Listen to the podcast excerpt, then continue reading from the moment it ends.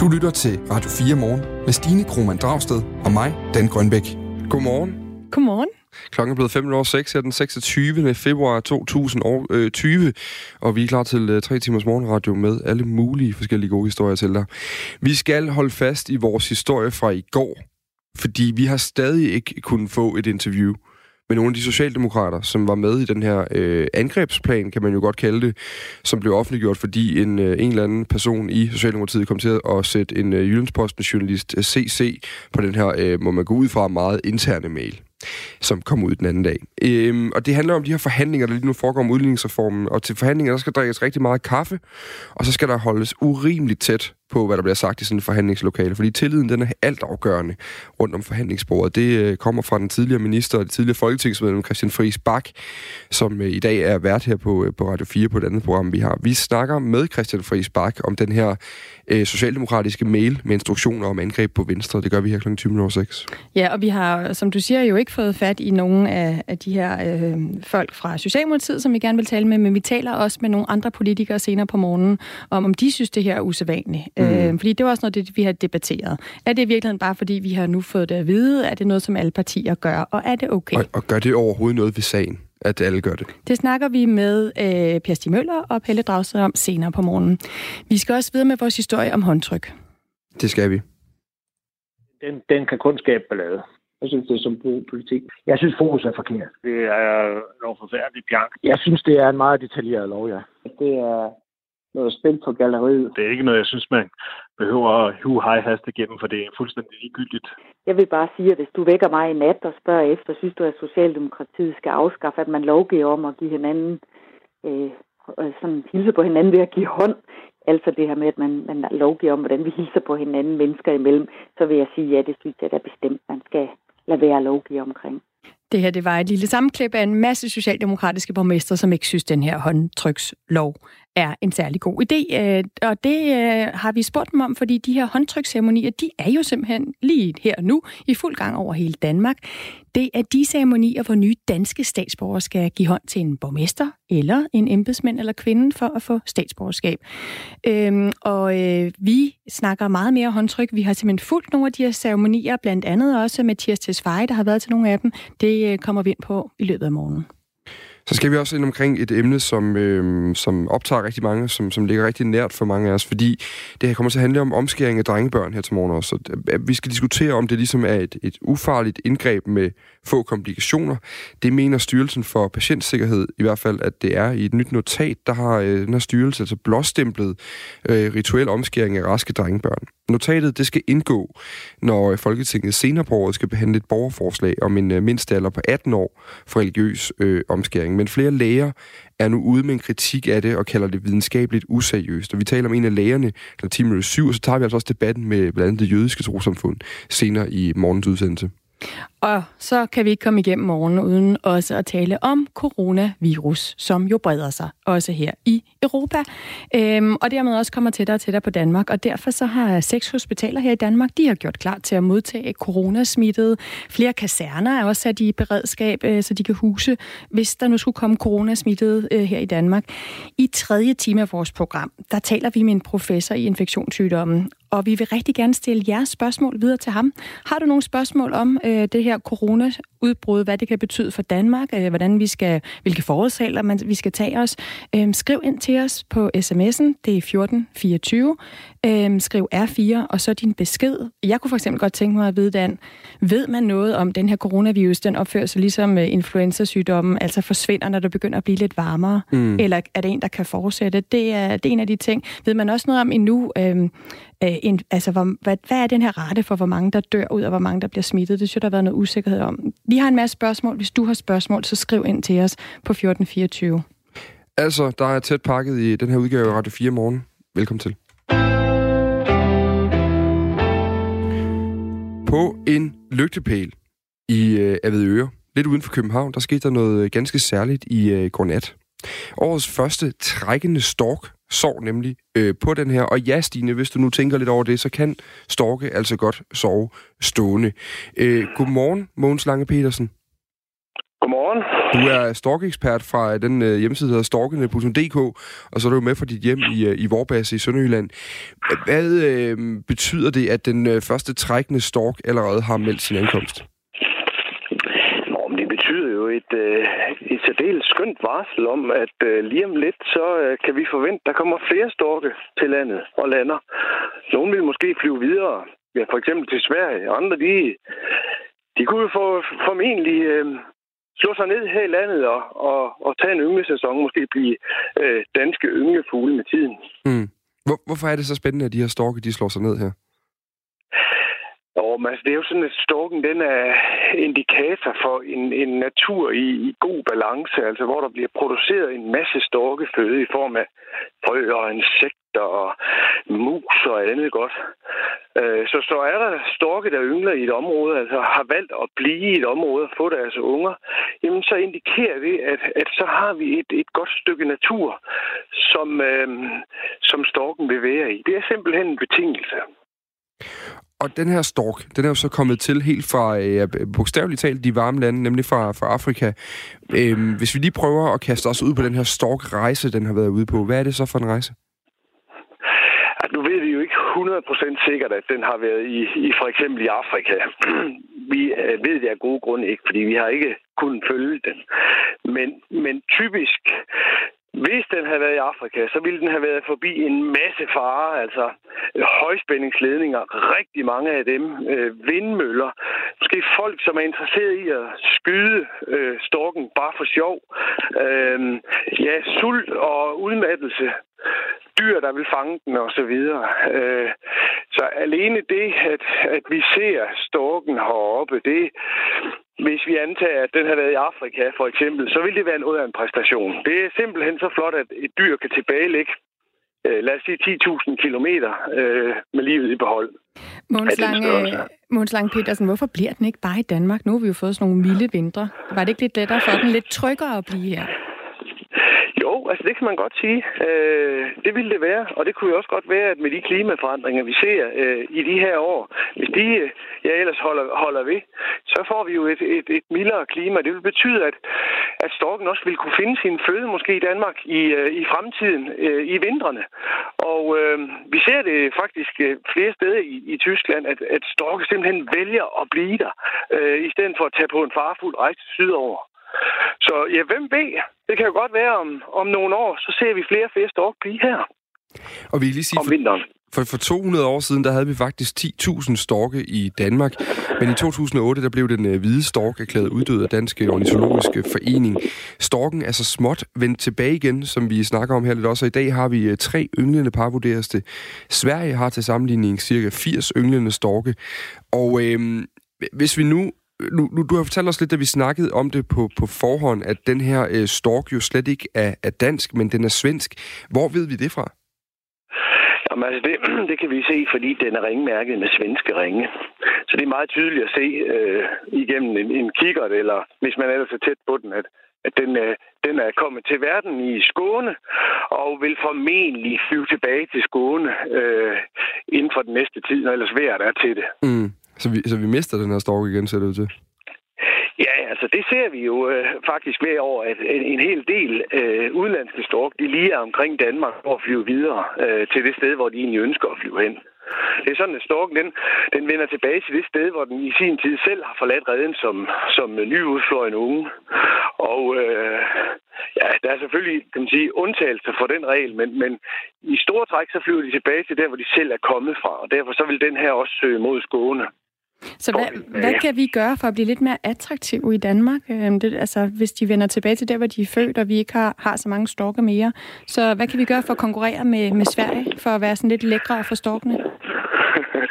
Jamen, altså, det, det vi kan gøre, det er selvfølgelig at væbne os med tålmodighed. Fordi nede i, i Nordtyskland, der er, øh, altså i, i Slesvig, Slesvig-Holsten-området, der er storken, den hvide stork, i, i, i god fremgang har været det i nogle år. Og der øh, forventer vi, at det overskud, der kommer af storke der, den fremgang, den vil kunne sprede sig ind i, i Danmark. Øh, men ellers, ventetiden, den bruger vi jo på at, at gøre naturen mere attraktiv for storken. Altså simpelthen få skabt nogle bedre betingelser for at finde føde. Lave vandhuller til padder.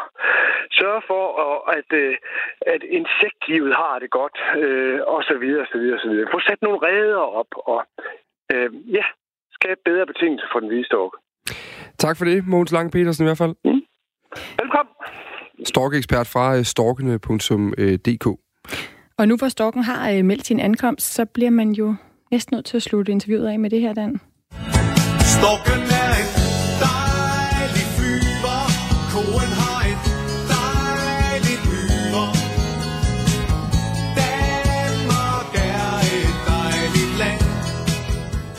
det gør man vel. Ja, men vi behøver ikke gå over i storkjokene lige nej, nu. Men det nej. kan være, at vi kan komme ind lidt senere, hvis det passer ind. Da den borgerlige regering øh, sidste år vedtog den omdiskuterede håndtrykslov med støtte for Dansk øh, Folkeparti, der stemte Socialdemokratiet hverken for eller imod. Og deres begrundelse var, at det var naturligt at give hånd, og derfor så behøvede man ikke at lovgive om det. Sådan her sagde den daværende socialdemokratiske Øh, indfødsretsordfører Astrid Krav om lovgivningen dengang. Øh, så uenigheden her står jo i, hvor meget vi skal lovregulere fra Christiansborgs side.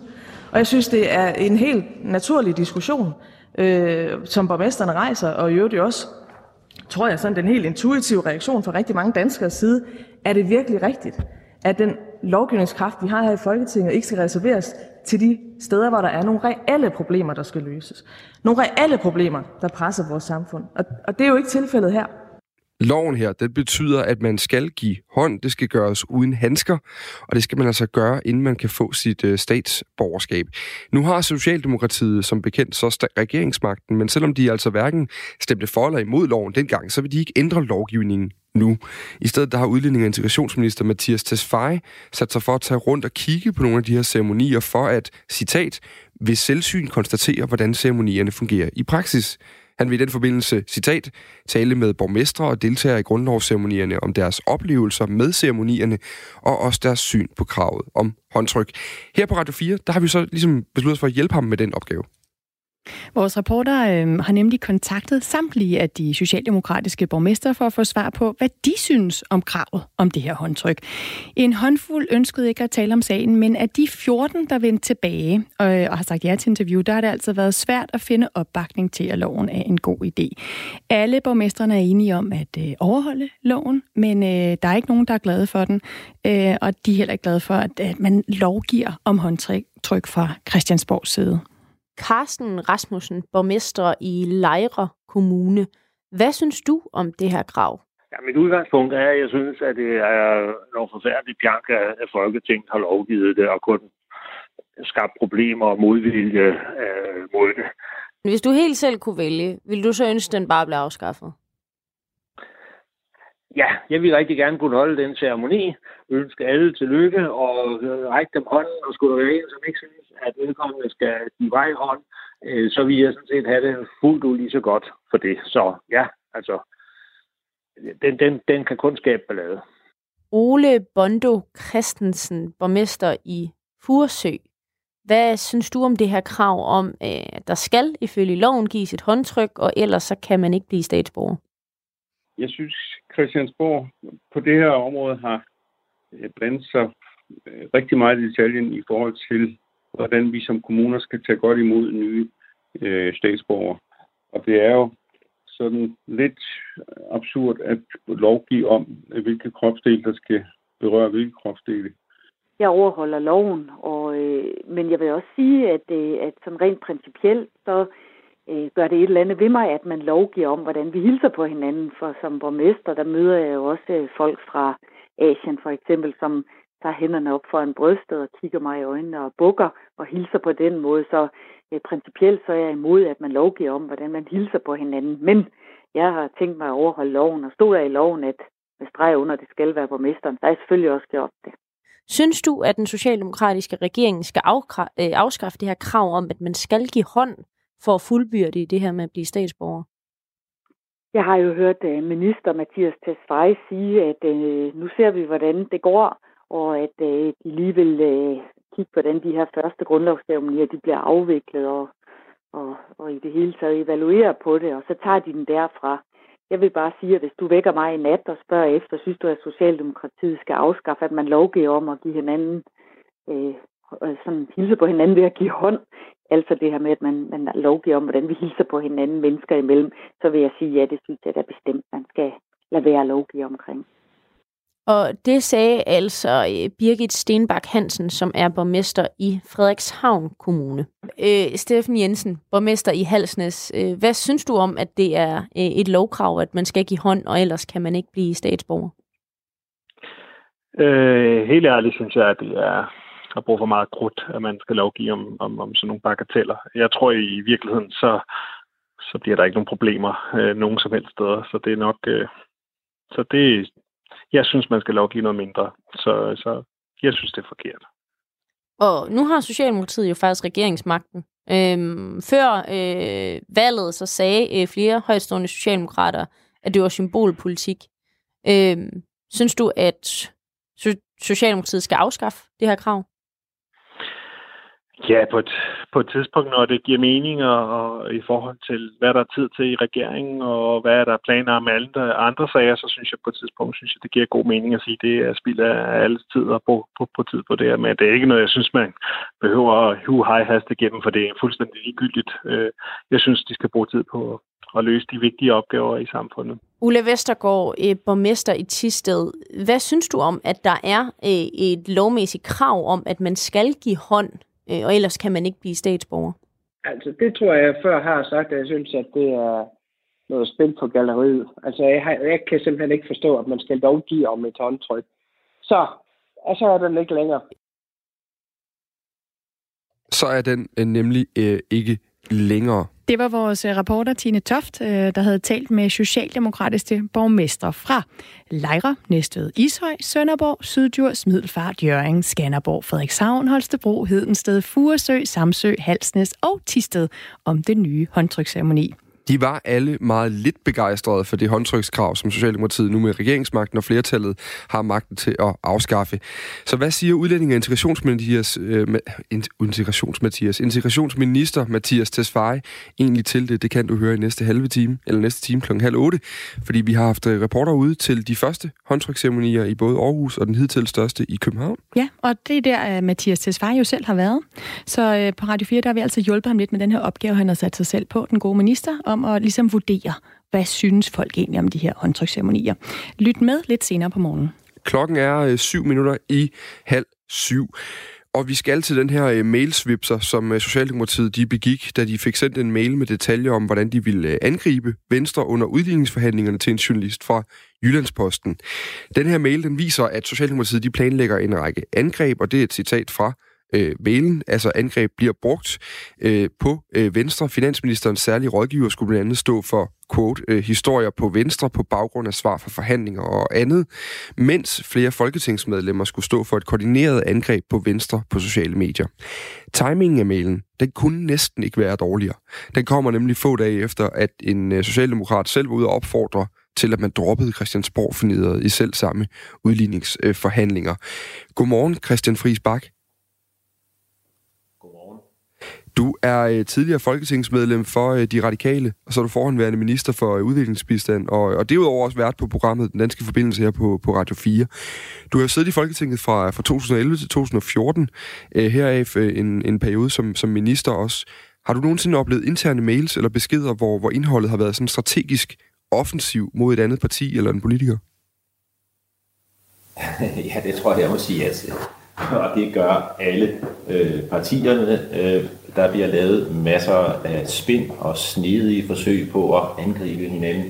Øh, så når det gælder den slags, så bruger øh, alle partier på Christiansborg i et glashus. Øh, mm. og, og, og burde måske lade være med at kaste en sten, fordi det er jo en dagligdag, og det er jo hver eneste gruppemøde, man taler om, hvordan kan vi på snedig vis måske gøre noget, så vi kommer til at stå stærkere, og de andre til at, at stå sværere. Det er jo en del af det politiske spil, øh, at, at det gør man.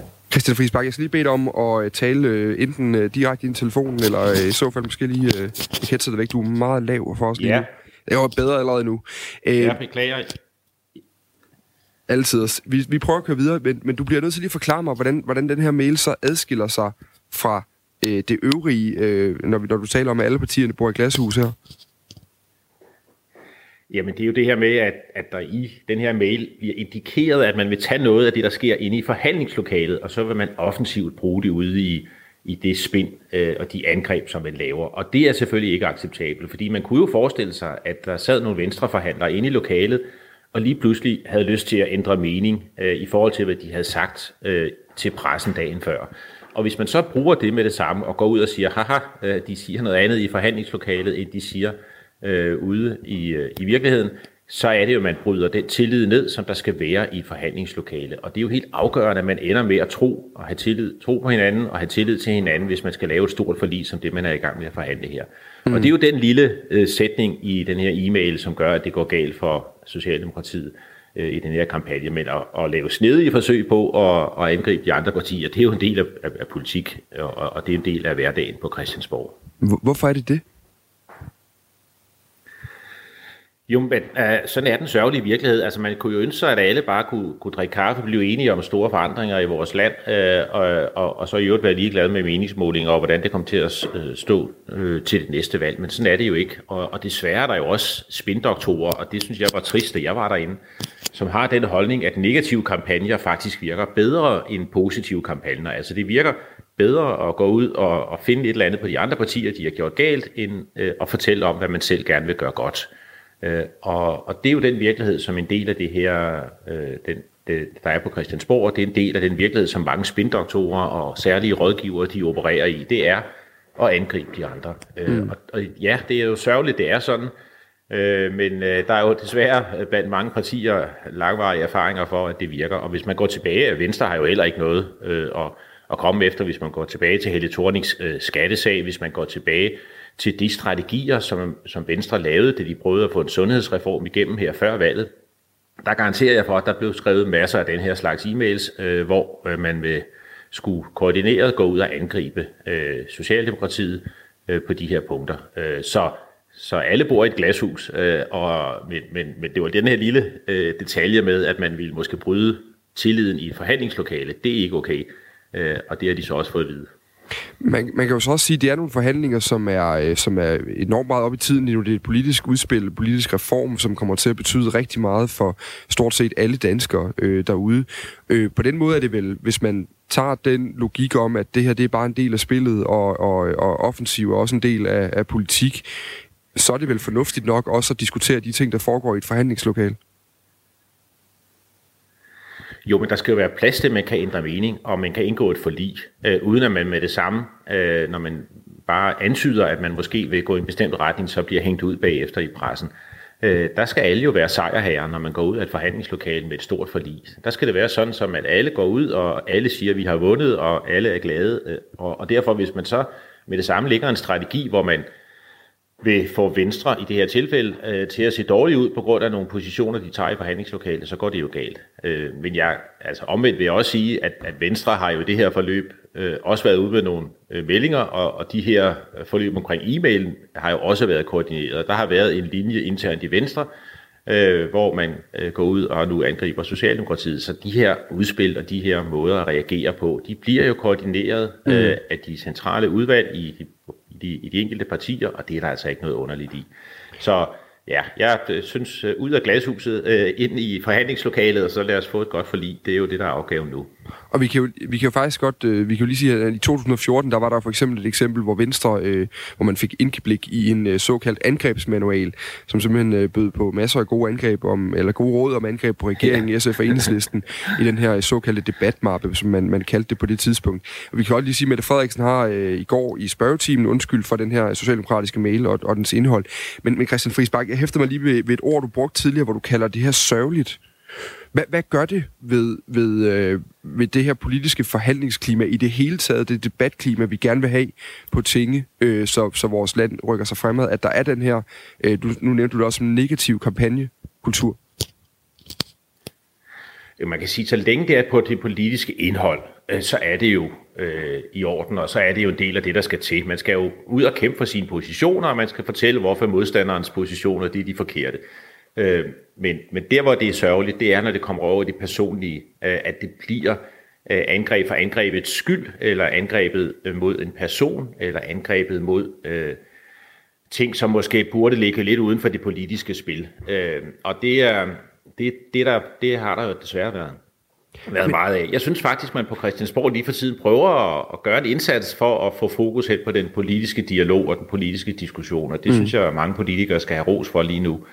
Øh, men, men hvis vi kigger tilbage, øh, så har der jo desværre været mange velkoordinerede angreb på personer øh, for at underminere øh, dem, eller endda altså også ting, der påvirker deres familier. Og det synes jeg, det er jo sørgeligt, når vi når dertil, men det har der også været meget af.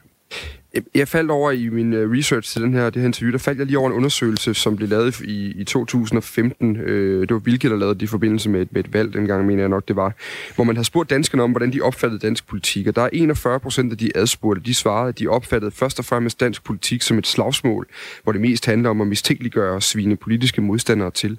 Kun 27 procent opfattede først og fremmest dansk politik som et forum, hvor der findes løsninger på påtrængende samfundsproblemer på tværs af partiskæld. Hvis vi nu øh, tager en lidt øh, grov øh, øh, øh betegnelse i munden og kalder det her for decideret mudderkastning, hvad gør det så for vores demokratiske samtale, mener du? Jamen, det gør selvfølgelig, at nogle vælgere mister tillid, men jeg har den største respekt for vores politikere. De kæmper altså også for det, de tror på, og de prøver at lave politik til gavn for det her land. Og der var faktisk en nylig international undersøgelse, der viste, at tilliden til demokratiet falder i globalt, og især i de store lande, men der er få undtagelser. Og et af dem, det er faktisk Danmark. Øh, der går tilliden til demokratiet og politikerne faktisk i den rigtige retning lige men, nu. Men tror du, sager som øh, den her taler der, i, der går vi... positiv eller negativ retning der? Ja, nu ved vi jo ikke, hvad de vil angribe Venstre for. Øh, vi ved jo bare, at de vil tage nogle ting og gå ud og angribe Venstre. Altså hvis det havde været øh, Jacob Ellemanns øh, personlige indsats, eller, eller ham som person, så havde det selvfølgelig været skidt for demokratiet. Men havde det været spørgsmålet om, at vi er nødt til at fordele øh, også øh, og det er også en gang imellem kan gå ud over øh, øh, nogle kommuner, hvor der sidder en venstreborgmester, eller, eller at de rige kommuner i Nordsjælland burde give noget mere til de fattige kommuner i, i, i Nordjylland. Hvis det er den slags angreb, så er det jo en, en, en, altså legitimt, så er det jo en del af den politiske samtale, og så er det jo en del af et forsøg på også at få borgerne med til at forstå, hvorfor det er nødvendigt, at vi har en omfordeling i det mm. her land. Øh, så det, det, vi ved jo ikke, hvad angrebet var. Men, men det, der gik galt, var, at man indikerede, at man ville tage et eller andet, der blev sagt i, et hemmeligt, øh, i en hemmelig forhandling, øh, og så gå ud i offentligheden. Og det må man selvfølgelig ikke. Øh, og det var det, der gik galt. Men, men spin og snede i angreb, det er en del af spillet, øh, og, og, og, det, og der bor de alle sammen i et glashus. Tak for øh, lige i hvert fald et øh, indblik ind i glashuset, Christian Friisbak. Velbekomme. Tidligere folketingsmedlem øh, for de radikale og forhåndværende minister for øh, udvikling, og derudover nuværende vært på programmet Den Danske Forbindelse her på øh, Radio 4. Klokken er lige blevet lidt over øh, halv syv, og øh, Anne Philipsen står klar med nyt fra indland og udland.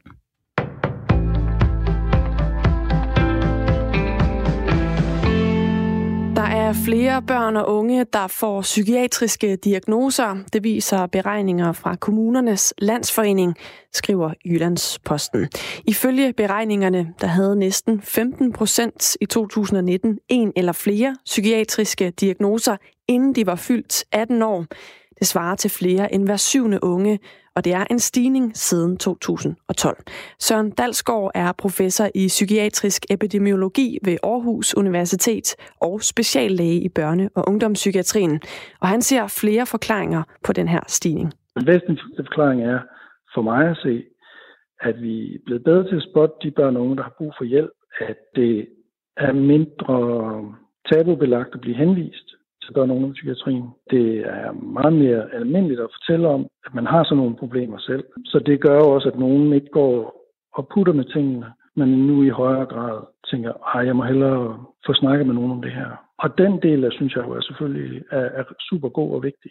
Ifølge Jyllandsposten så er de hyppigste diagnoser ADHD eller autisme. Dem havde 22.000 børn og unge under 18 år sidste år, og det er 6.000 flere, end der var i 2012. Sidste år købte Syddjurs Kommune saudiarabiske statsobligationer for 300.000 kroner. Købet er sket som en del af kommunens investeringer, der skal give et afkast til kommunekassen. Og nu kritiserer udviklingsorganisationen Oxfam Ibis, som har fokus på etiske investeringer, altså det her indkøb fra Syddjurs Kommune, det skriver TV2 Østjylland. Oxfam Ibis' generalsekretær Christian Weise siger, at Saudi-Arabien igen og igen bryder menneskerettighederne, og lige nu fører landet krig i Yemen, en krig, som FN har kategoriseret som den værste menneskeskabte humanitære katastrofe. I det lys, der burde det være ret klart, siger Oxfam Ibis generalsekretær, at Saudi-Arabien er et land, som danske kommuner ikke skal investere i. Så sent som sidste år, der vedtog kommunalpolitikerne i kommunen nogle nye retningslinjer for investeringer. Og her står der blandt andet, Syddjurs Kommune ønsker hverken direkte eller indirekte at støtte regimer, som ikke lever op til menneskerettighederne. Og nu skal lokalpolitikerne se på, om det stemmer overens med købet af de saudiarabiske statsobligationer. Det siger borgmester Ole Bollesen til TV2 Østjylland. Der er også flere andre lokalpolitikere i Syddjurs Kommune, der vil have set investeringerne efter i søvne. Alternativets hovedbestyrelse udtrykker fuld tillid til den politiske leder Josefine Fock. Der var møde i Alternativets hovedbestyrelse i går aftes, og det var der efter, at anonyme kilder i Information i weekenden har beskrevet en række episoder, hvor Josefine Fock skulle have overfuset folk i partiet. Men hovedbestyrelsen har altså fuld tillid det skriver Jesper Kallesen, der er talsperson for hovedbestyrelsen i en pressemeddelelse.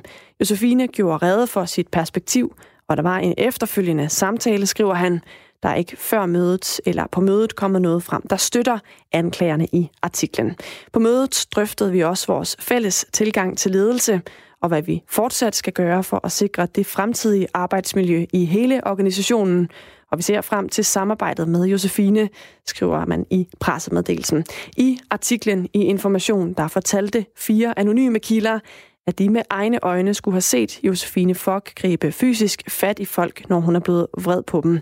Episoderne skulle være sket i perioden 2015 til 2018, da Josefine Fock var medlem af Folketinget. Josefine Fock selv har afvist kritikken.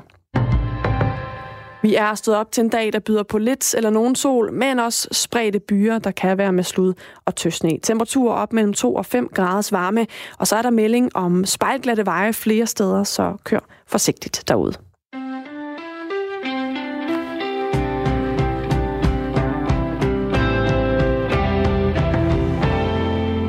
Godmorgen, du lytter til øh, Radio 4 morgen. Loven om håndtryk er en glimrende idé. Det er et godt filter mod fanatikere, som vi ikke har brug for. Så velkommen til den lov, skriver Jens fra Nykøbing øh, Falster, går jeg ud fra. Øh, selv det dummeste svin kan finde ud af at give hånd. Det betyder ikke, han vil være en god statsborger, som skriver Arne Schødt. SMS'en er altså åben, øh, og lige nu her, der handler det om den her håndtrykslov, øh, som nu har ført til håndtryksceremonier ude i kommunerne, som vi skal tale mere om. Ja, for de er i fuld gang over hele landet. De her øh, grundlovsceremonier bliver de også kaldt. Og det er altså fordi, at øh, hvis man skal være ny statsborger øh, her i Danmark, så skal man ikke bare have bestået en test i danskundskaber og en statsborgerskabsprøve. Man skal altså også til den her grundlovsceremoni, øh, hvor man blandt andet skal trykke hånd uden handske. Mm. Øhm, og øh, de her ceremonier, de har været meget til debat, øh, og de er i gang lige nu, altså i Aarhus og København, og derfor har vi sendt øh, vores reporter Magnus Bang.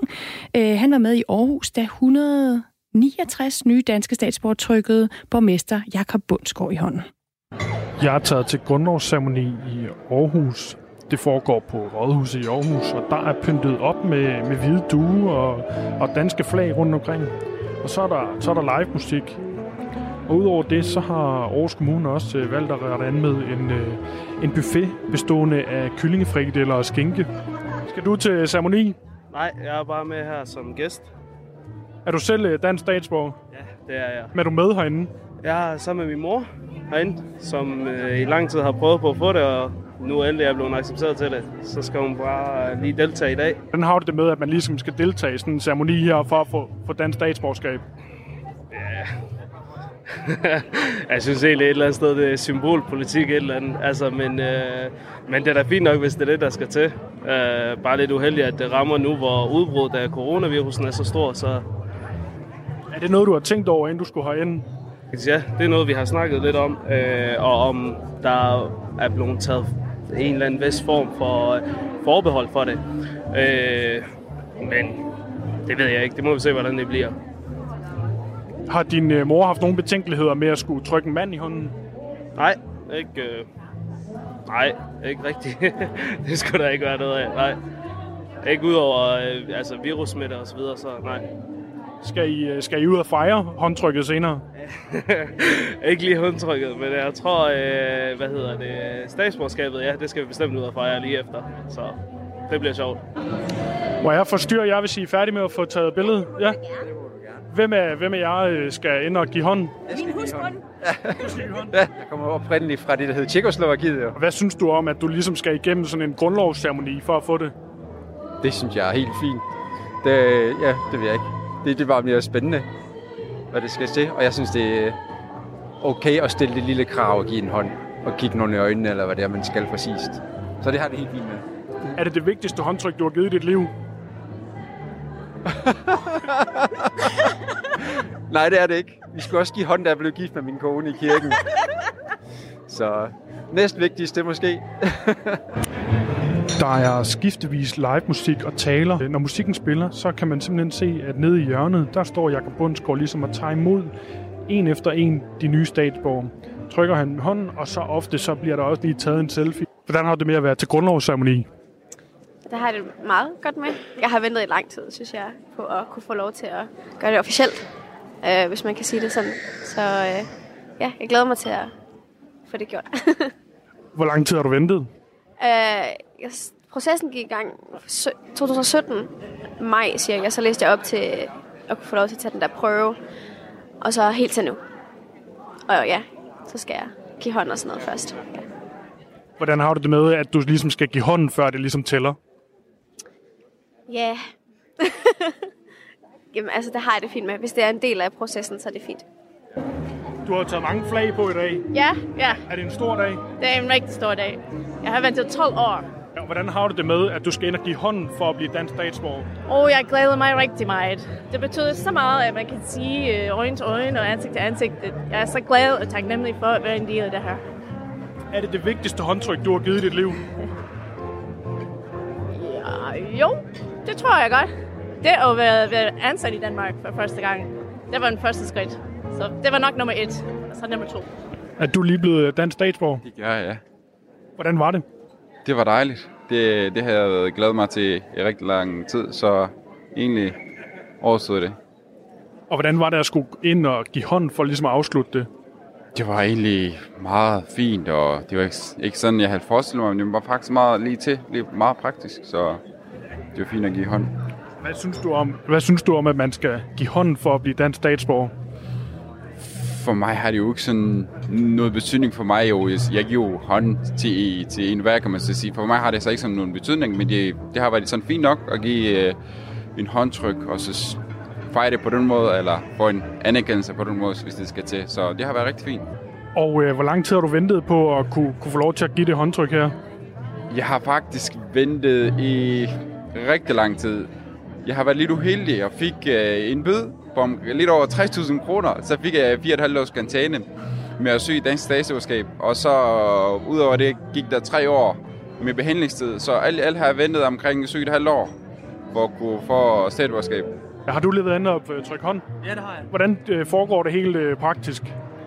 Men øh, man kommer ind, og så bliver du henvist til et øh, bord, hvor man så får tjekket noget pas og noget ID, og så skriver man under på sådan en erklæring på, at man øh, godt vil være øh, vil, vil vedligeholde de danske værdier og værdi, ja, værdisætte dem. Og så kommer man ud og trykker Jakob Bundsgaard i hånden. Og hvordan var det at trykke Jakob Bundsgaard i hånden og ligesom få sat et punktum for det statsborgerskab? Det, det var fedt. Det var dejligt. Det var, nu, er det, nu er der i hvert fald et stort udråbstegn for enden af sætningen, så det er rart.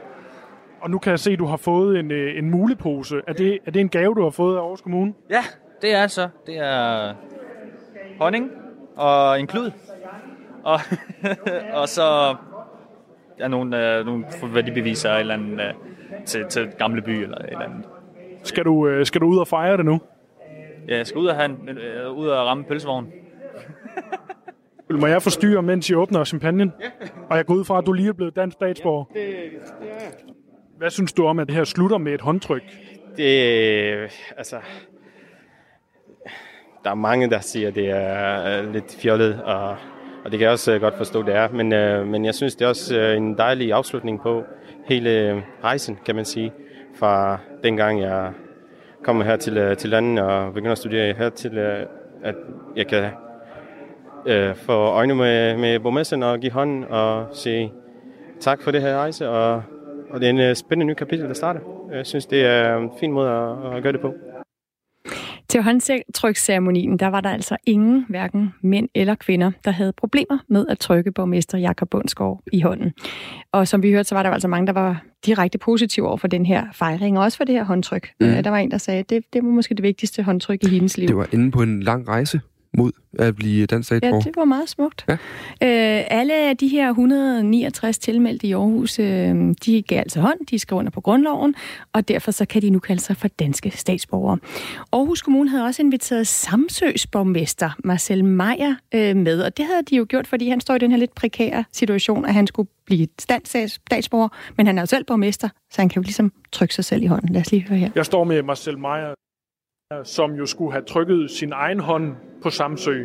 Hvorfor, hvorfor skulle du ikke det alligevel?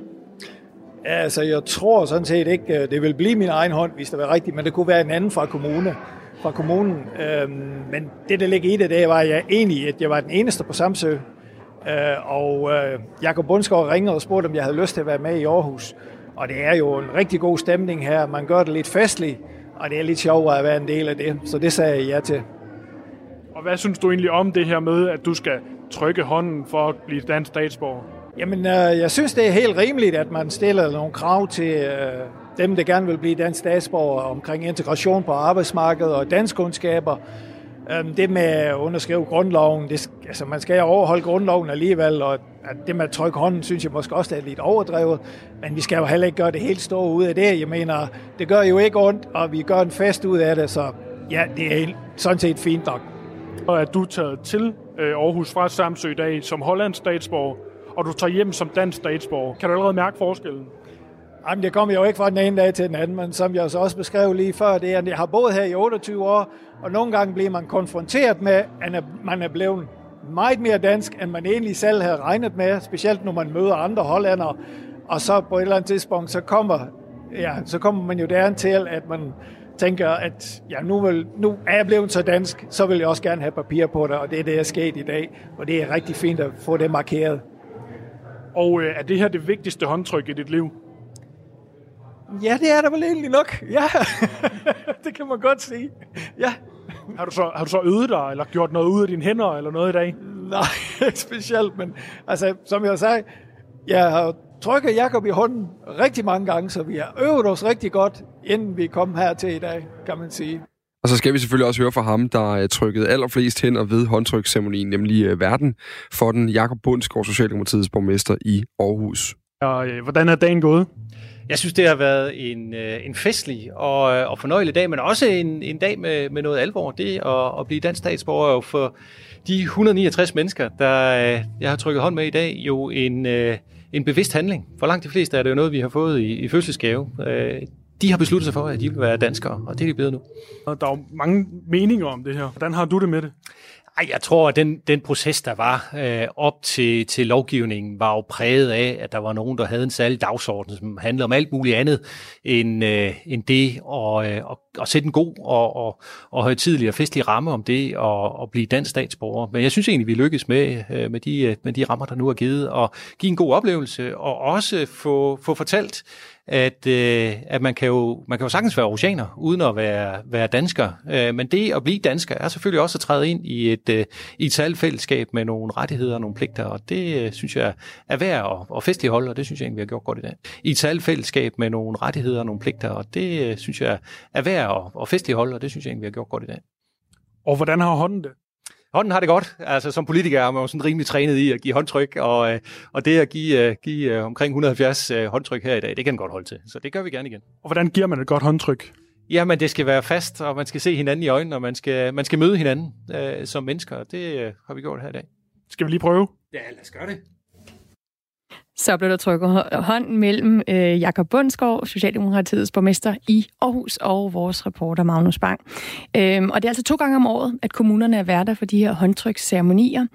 Og vi vil lige sige, at håndtryksloven den er så detaljeret, at der faktisk står noget om, hvordan de her ceremonier skal foregå. De skal vare mindst en time, og så skal det være håndflade mod håndflade. Mm. Det er det, vi har sagt et par gange. Man må ikke tage handske på, hvis man har et problem øh, med at trykke nogen i hånden.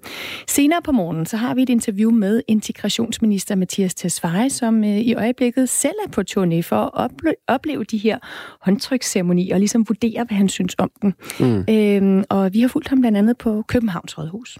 Det har vi.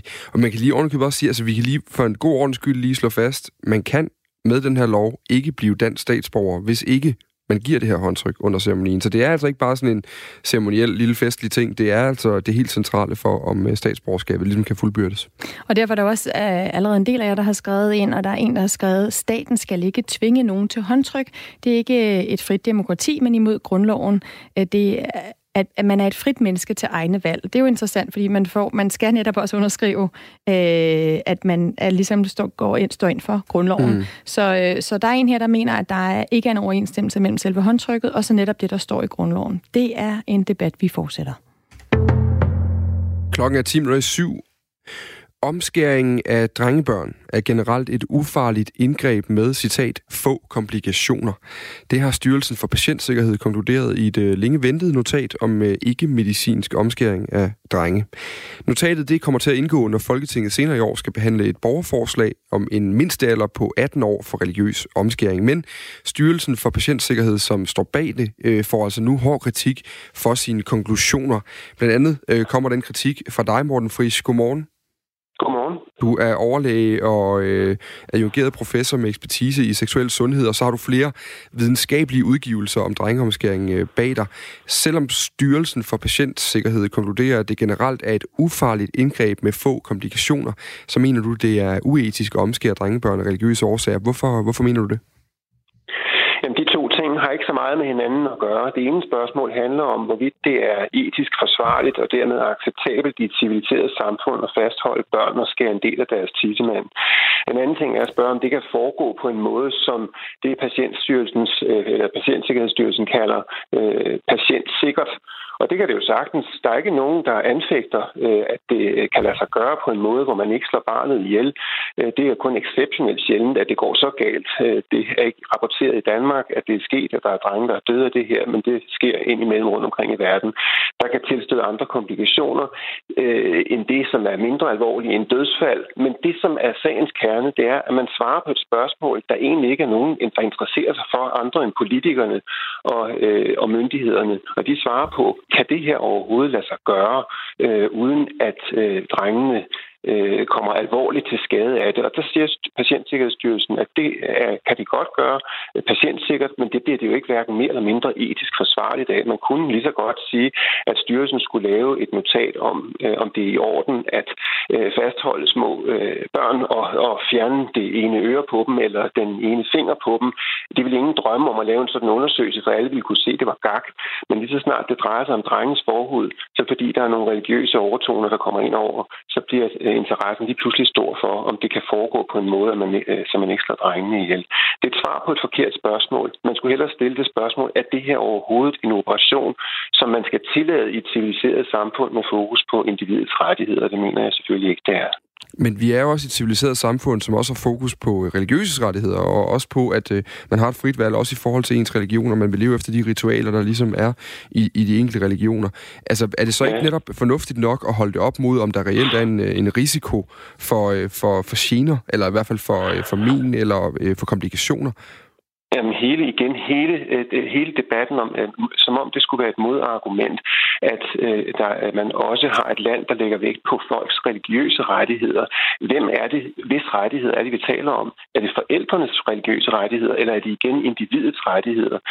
Religionsfrihed og trosfrihed her i landet har aldrig nogensinde betydet, at man har ret til at forøve vold og skade på andre menneskers læme.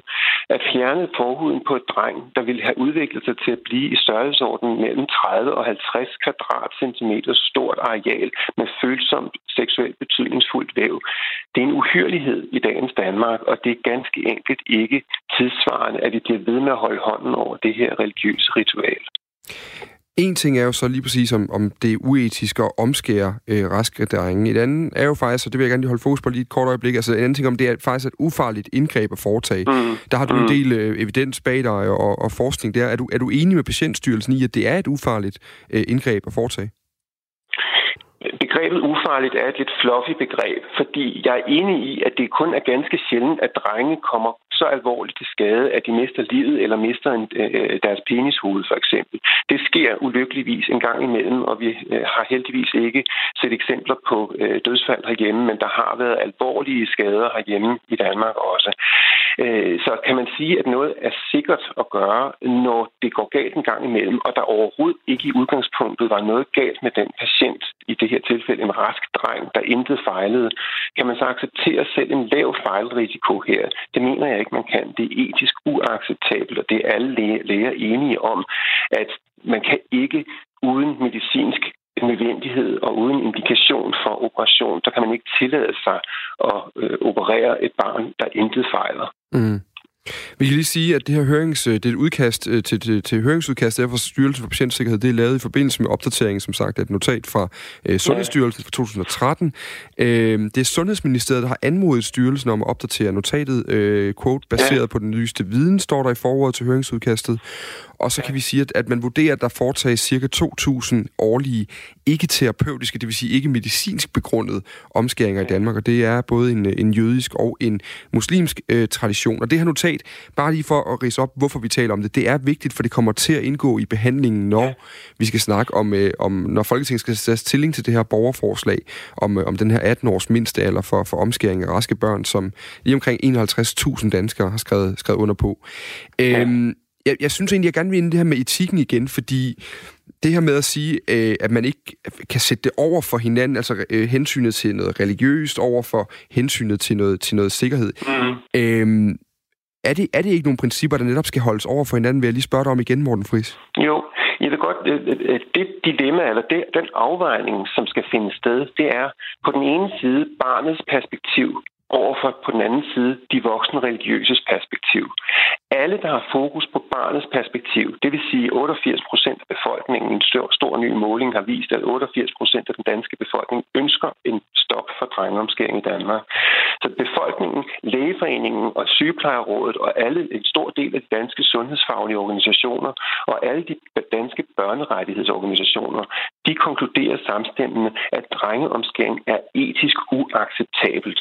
Og overfor det står der på den anden side de religiøse grupper og øh, desværre ser det ud til indtil videre, øh, et politisk flertal på Christiansborg, der overhører hele befolkningens ønske om noget andet her, for at imødekomme de religiøse gruppers krav om at kunne mm. blive ved med at skære forhuden af deres drenge. Mm. Så det er et, en afvejning af de to hensyn, og det bliver man nødt til at foretage sig, og politikerne ser desværre ud, som om de hælder til de voksnes perspektiv, de voksne religiøses og deres rettigheder, mens hele befolkningen er klar til at tage næste skridt og komme ind i den næste øh, periode, hvor vi faktisk øh, lever op til vores egne forpligtelser i henhold til børnekonvention og så videre, at mm. der skal være fokus på barnets og individets rettigheder, ret til at bestemme over egen krop.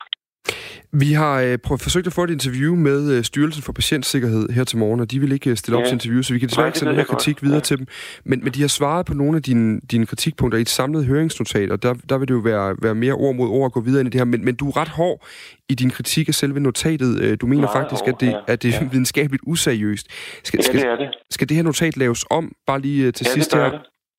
Det bør det, fordi det er simpelthen det, er, det overhører en række faglige anbefalinger, blandt andet fra øh, anestesilægerne, altså dem, der bedøver børnene, når de skal opereres. Det er fagligt øh, fejlbehæftet og mangelfuldt i en sådan grad, at det fuldstændig er misvisende. Det afdækker simpelthen ikke, det beskriver ikke den øh, opgave, den har fået stillet. De stiller et spørgsmål om, hvilke konsekvenser har drengeomskæring for senere deres helbred og for deres seksualitet. Og det spørgsmål svarer notatet overhovedet ikke på, fordi den litteratur, man har gennem gennemgået, overhovedet ikke handler om drengeomskæring, men den handler om omskæring af voksne mænd i langt, langt den største omfang af den litteratur, der er blevet gennemgået.